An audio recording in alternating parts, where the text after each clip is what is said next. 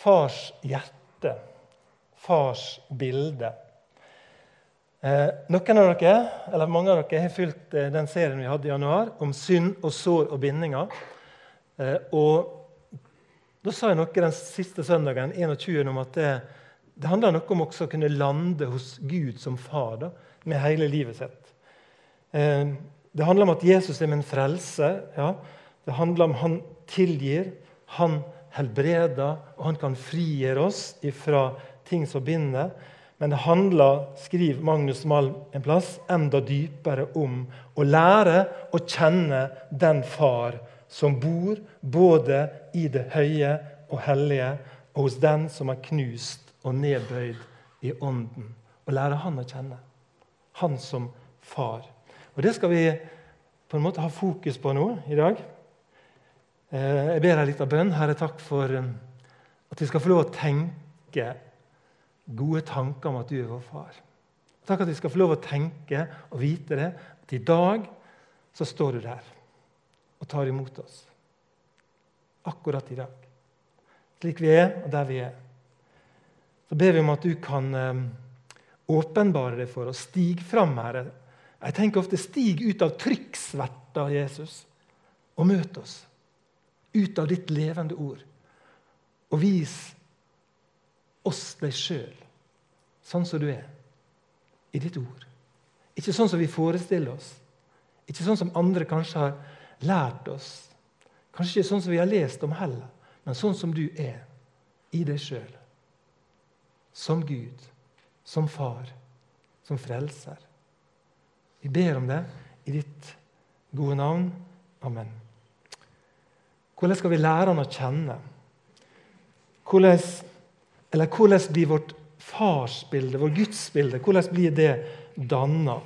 For vi bærer med oss bildet, alle sammen.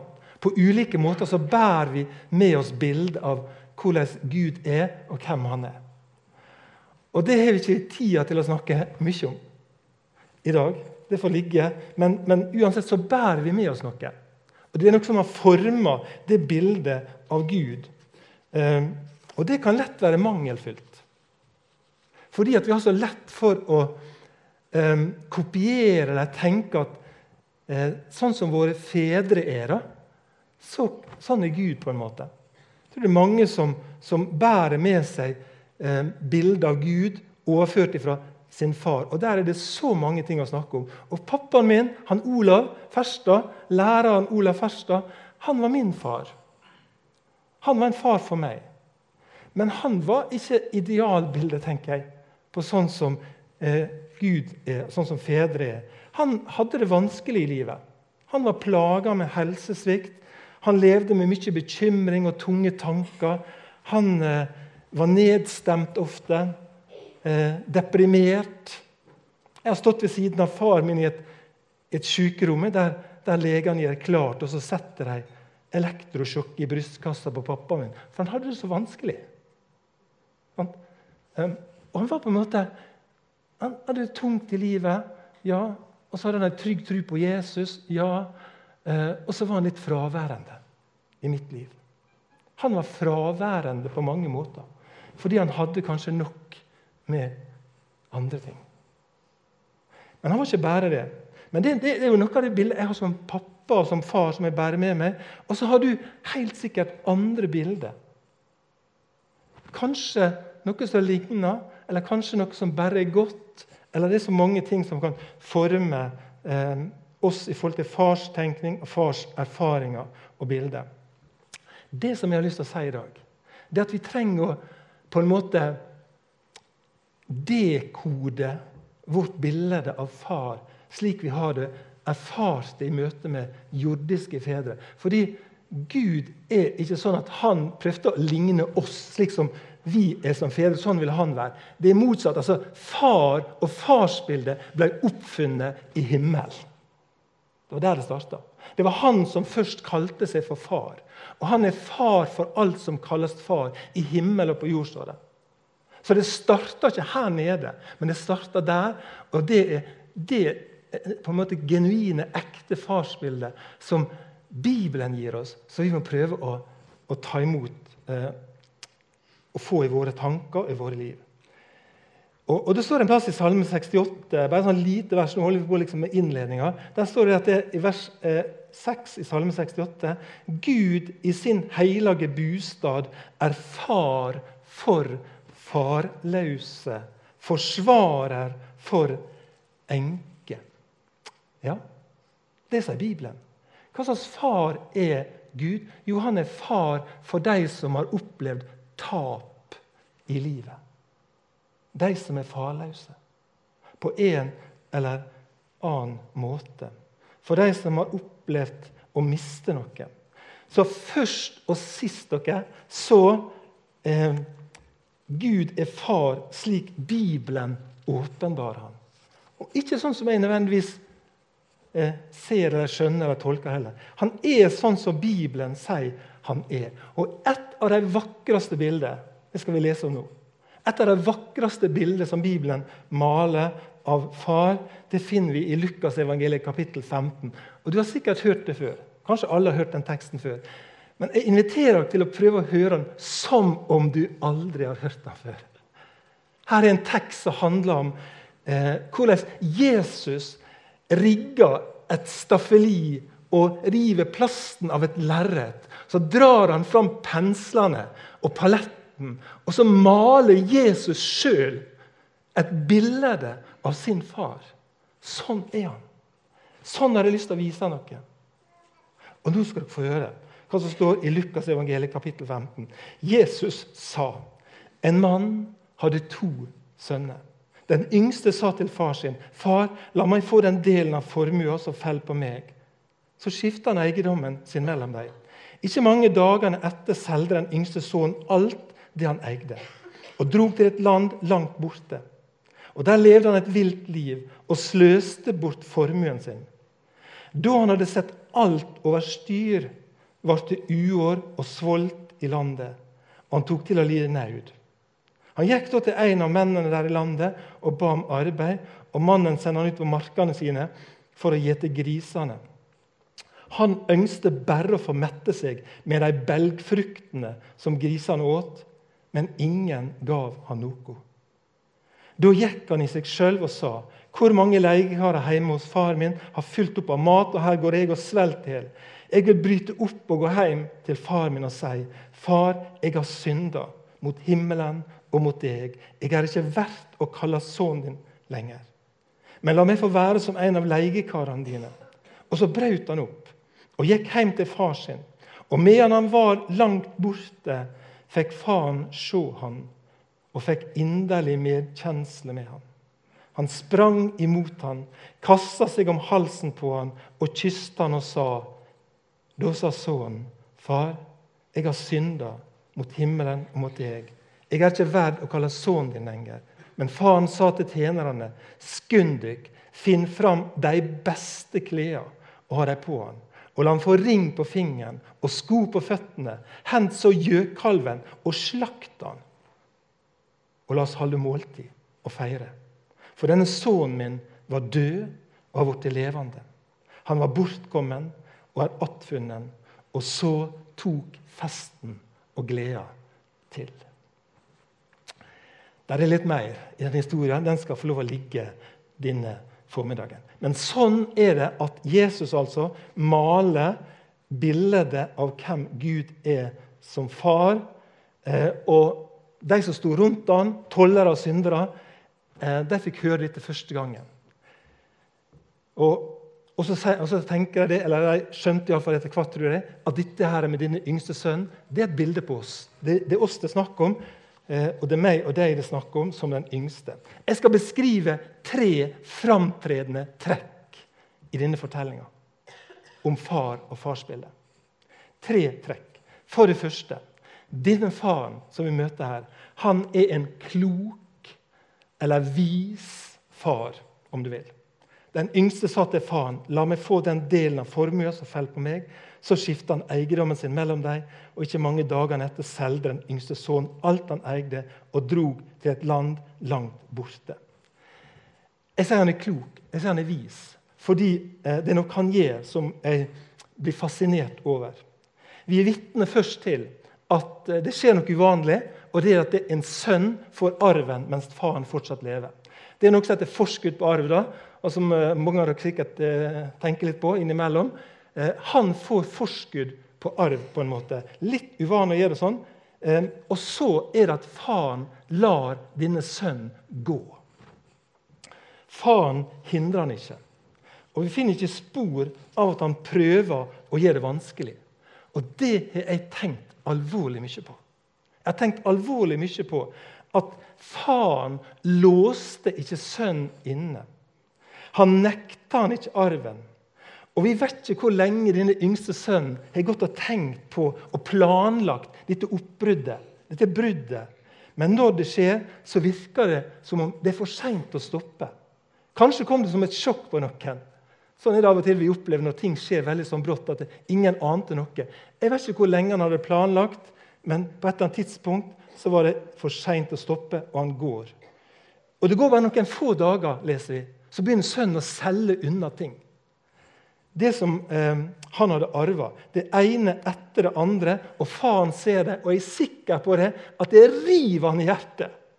Jeg selger han dette kvitter han seg med dette, det ene etter det andre. Han selger alt som han hadde arva, eh, og faren lar også det skje.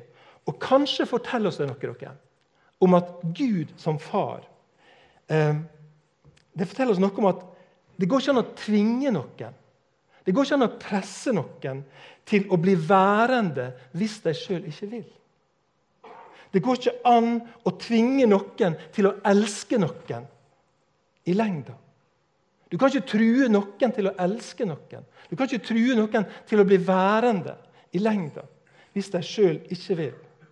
Og du kan ikke skremme noen til um, at de dropper det fordi de får vite at det kan bli uår der ute. Nei, På en eller annen måte så er det noe sånn frigjørende i denne teksten, og faren ligger under som en klok mann. Eh, og Det ligger noe gjenklang i det, synes jeg, i mitt eget liv og i våre liv. Vi som er fedre og mødre i dag. Eh, det som skjer her, På et tidspunkt kan vi oppleve noe av det samme. At våre barn, våre barnebarn, eh, begynner å selge unna noe av arven. De begynner å selge unna noe av det de skulle ha med seg. Noe av de verdiene, noe av den trua som vi har prøvd å gi dem, begynner de å vrake. Og vi er bare vitne til det. Sånn som faren var. Og han lar det skje. Og denne klokskapen er noe som gjør at det, det at han lar det skje, så kan noen si ja, det var ikke dumt av han. Burde ikke han, burde han stramma til og gjort noen knep? og et eller annet? Ja, men Vi vet ikke helt hva han gjorde. Men for meg blir det en sånn djup, djup respekt for en Gud som fristiller mennesker. Jeg får en sånn respekt for det. Jeg kjenner meg så trygg på det. Fordi han er en Gud som ikke presser meg, eller sparker inn dørene, eller tvinger meg, eller låser meg inne. Han sier du er fri til å være her. Og så er du fri til å gå. Hvis dere ikke forteller noen, så sa jeg på, på jeg var der, så sa jeg til studentene av og til om dere går ut herifra som etterfølgere av Jesus eller ateister, det kan ikke jeg gjøre noe med. Det er deres valg. Det er ditt liv. Jeg kan ikke sperre det inne. Jeg kan ikke tvinge deg til å elske Jesus. Jeg kan ikke tvinge deg til å følge ham. Jeg kan ikke tvinge deg til å bli værende hvis ikke du vil det. Og Det er det som gir en sånn enorm respekt. Eh, og en sånn, Hvor klok han er. Han lar deg gå. Og Jeg tror vi har vært ukloke noen ganger. Men det er noe Catcher dere det jeg tenker nå? Altså Som far så tenker han det. Jeg må langt gå. Og Vi sier jo av og til de må gjøre sine erfaringer. Sier ikke vi det? De må finne det ut sjøl. Ja. Her er kroneksempelet på det. Og jeg kan ikke, jeg kan ikke stoppe det. Um, og Det er ikke sånn at jeg tenker og tror at faren ønsker at han skulle gå. Det er ikke det det går på. Det var ikke at han, han hadde et ønske om det, men han lar det skje. Og jeg tror det er en far som står gråtende tilbake når han går. For han ville det ikke. Men sønnen gikk. Han bryter med familien deres. Bare ved å si det ordet så er vi inne på et tema som vi ikke kan ja. Du har kanskje erfaring på det og kjenner på det. Der er et brudd, der er en som går.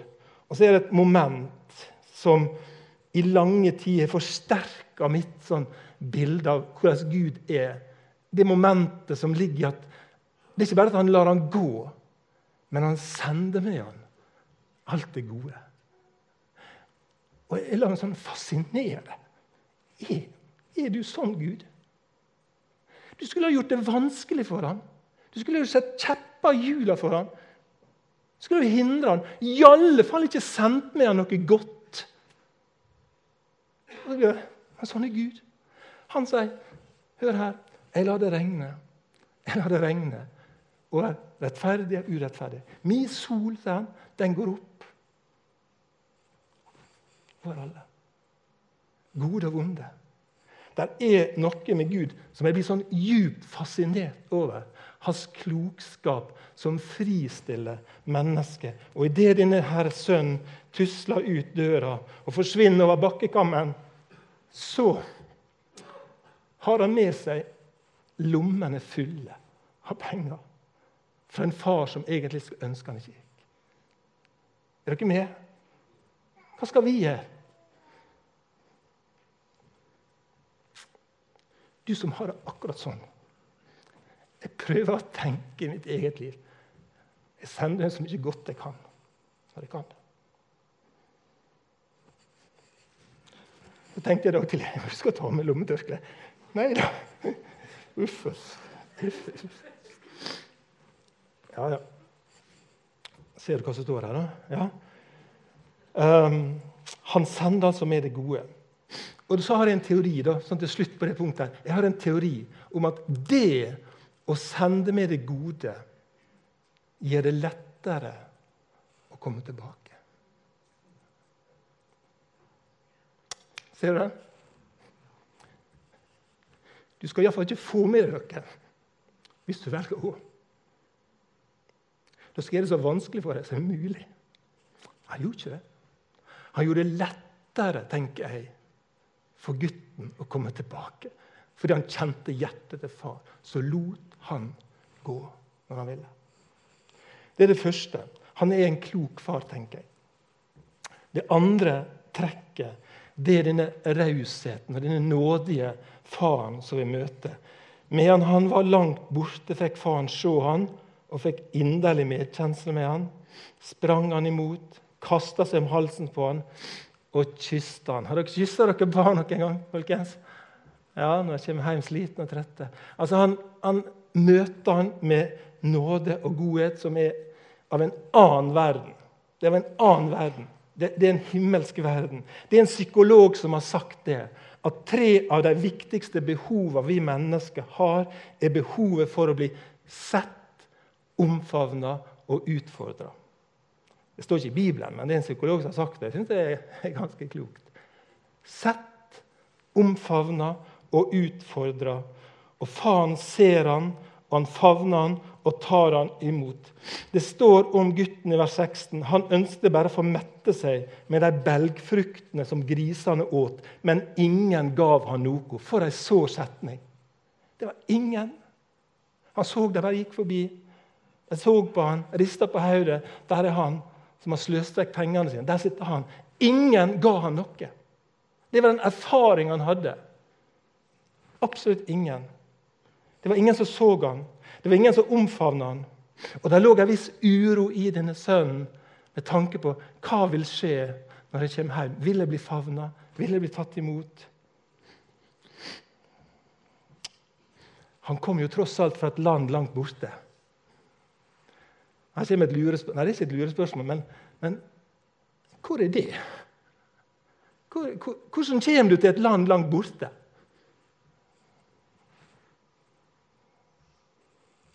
Hvor, hvor, kjøper du billett til det landet? på en måte? Du, Veldig enkelt sagt. Et land langt borte kommer du til ved å krysse mange nok grenser. Og det var det han gjorde. Han kryssa grense etter grense etter grense. etter grense. Til slutt så levde han på verdens ende. Ytterkanten av verden. Der levde han et liv. Et vilt liv, står det. Han hadde kryssa de grenser som var å krysse. Det var ikke flere grenser. Livet hans var så vilt som det kan bli. Og Jeg skal ikke prøve å tenke mindre, men vi får noen glimt og vi får noen på en måte ja, små hint om hva det gikk i. da. Men kanskje er det definisjonen på synd. dere. Iallfall en slags definisjon på synd. Hva er synd? Jo, det er å krysse grenser. Det er å krysse de grenser som Gud har sagt noe om. Det er å gjøre valg som er i strid med Guds ord. Det å bomme på det Gud har tenkt for våre liv. Det er å krysse grenser. Og plutselig så hadde han kryssa alt, og han levde et liv, et ryggesløst liv, står det i en oversettelse. Altså uten ryggrad. Han var som en sekk som krøp i skiten. Han hadde gjort noen valg kulturelt, språklig, erfaringsmessig. Alt i livet hans.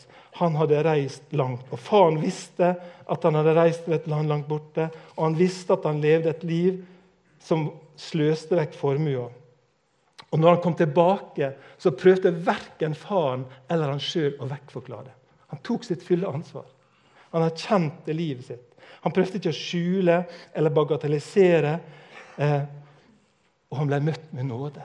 Det er så vakkert. Det er så fint. Ingen bebreiding, ingen intervju, ingen spørsmål, ingen anklage. Han kom tilbake med ingenting i lommene deres. Bare sår og synd, nederlag, skam og et stempel i passet som viste at han hadde kryssa de mest lugubre grenser som fins i denne verden. Han hadde tatt imot. Du er velkommen hjem. Og så fikk han en bamseklem som vi ikke aner. En kjempeklem. Um, og jeg tror at De som sto og hørte på det nå kan Vi tenke vi kjenner det, men tenk på de som sto og hørte på det når Jesus begynner å fortelle det.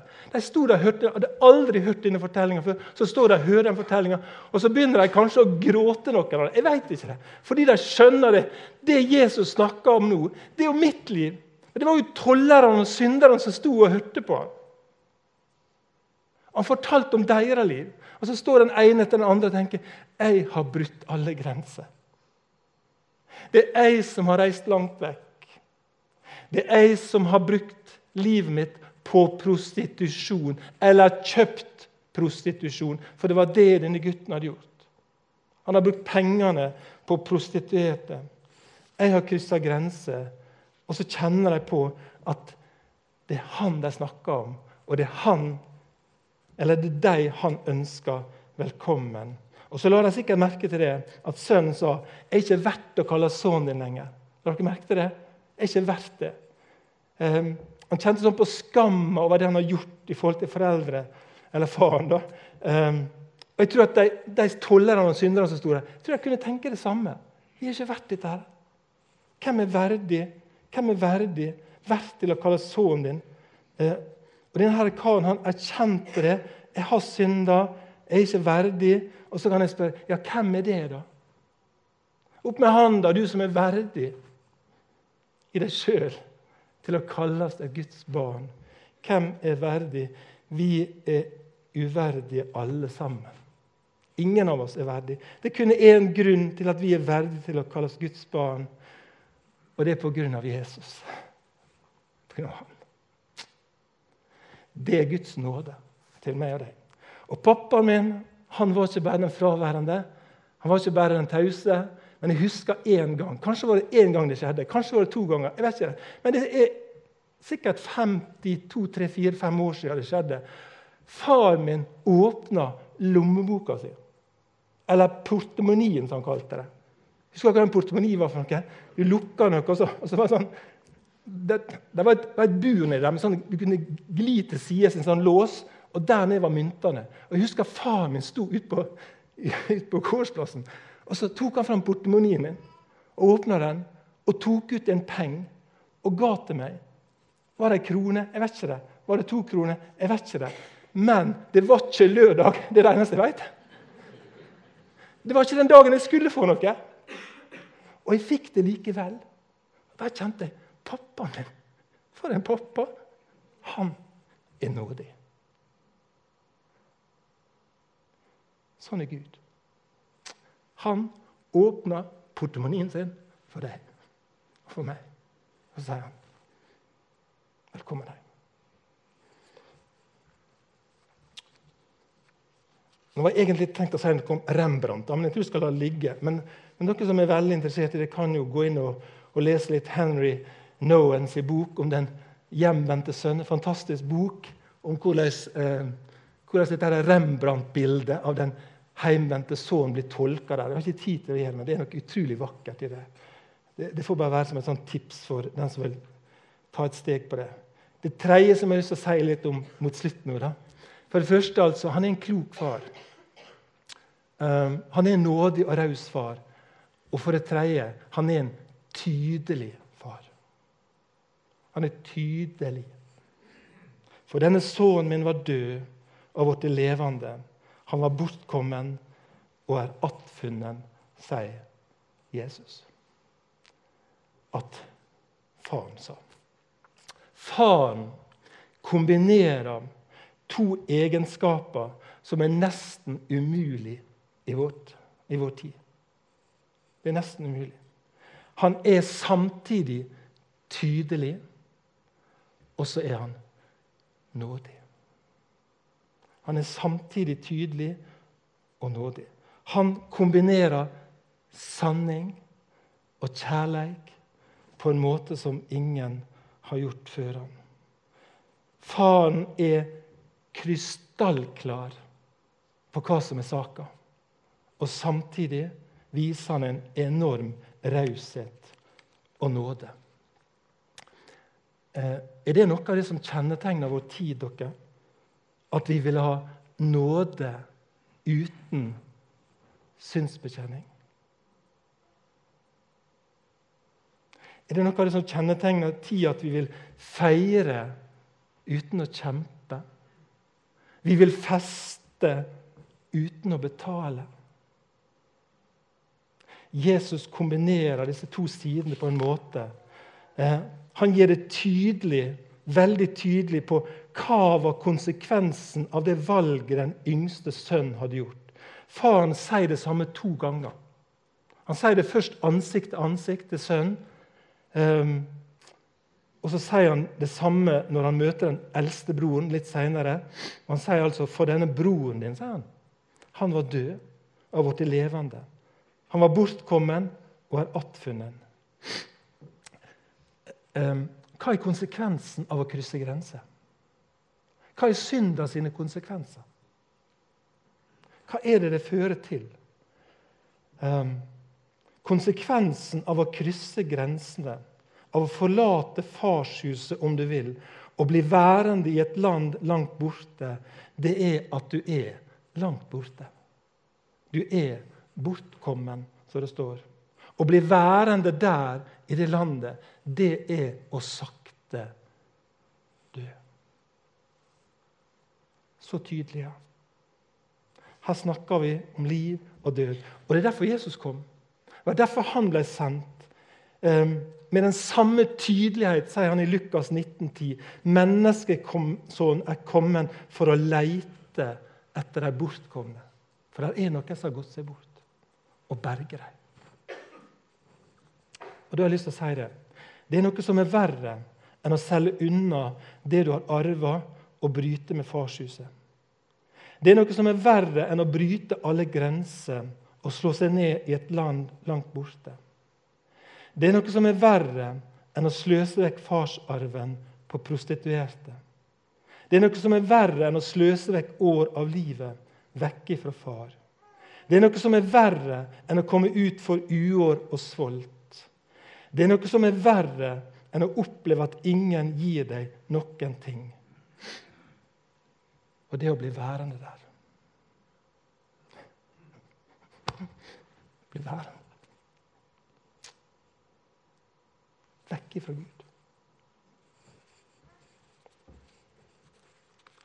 Det er det Bibelen kaller for fortapelse.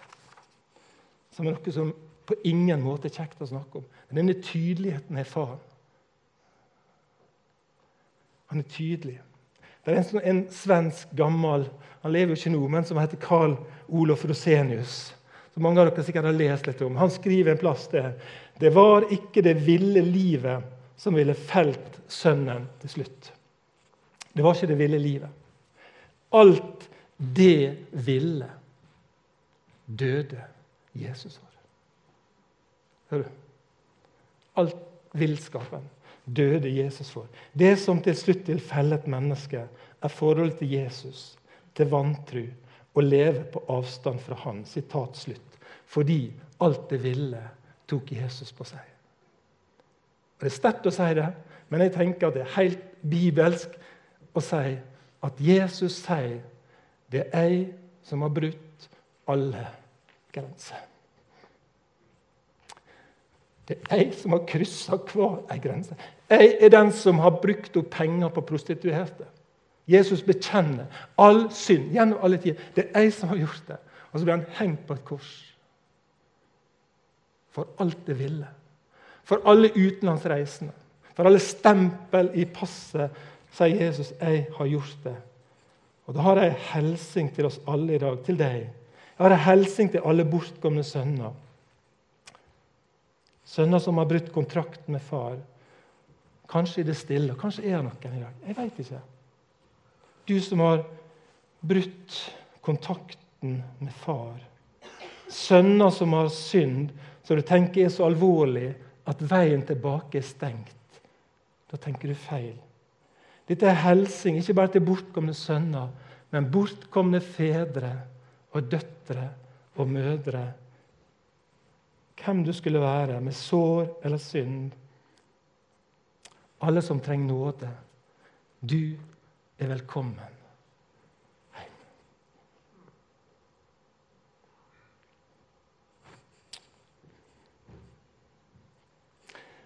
Ned forbi huset vårt der brukte jeg å gå på ski da jeg var liten gutt. Det er mulig jeg har fortalt det før, men jeg, jeg, elsker så gode historier om, om, ikke om meg sjøl. Men. Men det var slik at det var, gikk ei løype på, på, en sånn skitur uh, ned forbi huset. Og når jeg kom forbi huset vårt, så hadde jeg et kamprop som jeg ropte. Og dere som har levd en stund, dere vil kjen, gjenkjent det. Det var noe som heter Golden Extra Lys Sirup før tida. Husker dere det?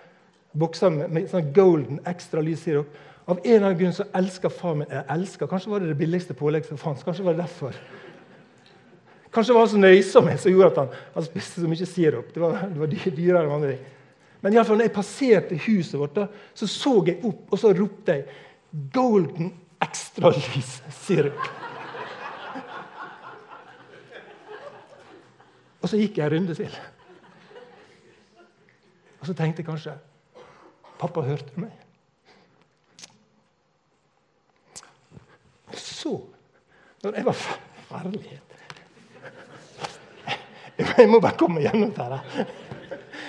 Eh, men jeg var ferdig å gå på ski. da, Så gikk jeg opp bakken, og så hadde jeg sånn utvendig trapp. da, og Jeg var helt sånn gjenfrossen på reimene på, på, på skoene og, og, og, bindingene. Sant? Ikke minst bindingene. Sant? Og gikk opp trappa, der, så ringte jeg på, og så åpna far døra. Så kosta han av meg. Så løste han bindingene, tok han meg inn i varmen. Som når et barn kommer hjem om kvelden. Og Nå skal du få en siste tanke. Så vidt jeg orker det sjøl. Du skal få en siste tanke. Som jeg synes bare er, Den er bare så vakker. Første gang jeg hørte den, var det en, en eh, pastor borte i USA, amerikaner som heter Tim Timothy Keller. Eh, jeg skal ikke si så mye om det, Han døde nettopp. Snakk med Tore hvis dere vil lære mer om Timothy Keller. Han jeg kanskje til og med møtt han, Men jeg hørte han sa noe en gang så bare bang! Landa noe så enormt. Og det er det. Den yngste sønnen blir ønska velkommen hjem på grunn av en annen. den yngste sønnen blir ønska velkommen hjem pga. at han hadde en bror som ikke hadde solgt arven sin, som ikke hadde flyttet. Det var noe å komme hjem igjen til. Og så vet vi at Den broren, den eldste broren var ingen god storebror. For Han syntes det var vanskelig når han kom. Han ville verken snakke med han eller feire. eller noen ting. Egentlig hadde den yngste broren ingen storebror. Men hør hva jeg sier nå. Det er du. Du er en storebror. Du er en storebror. Er det til Jesus. Og pga. Jesus så blir du ønska velkommen hjem i dag.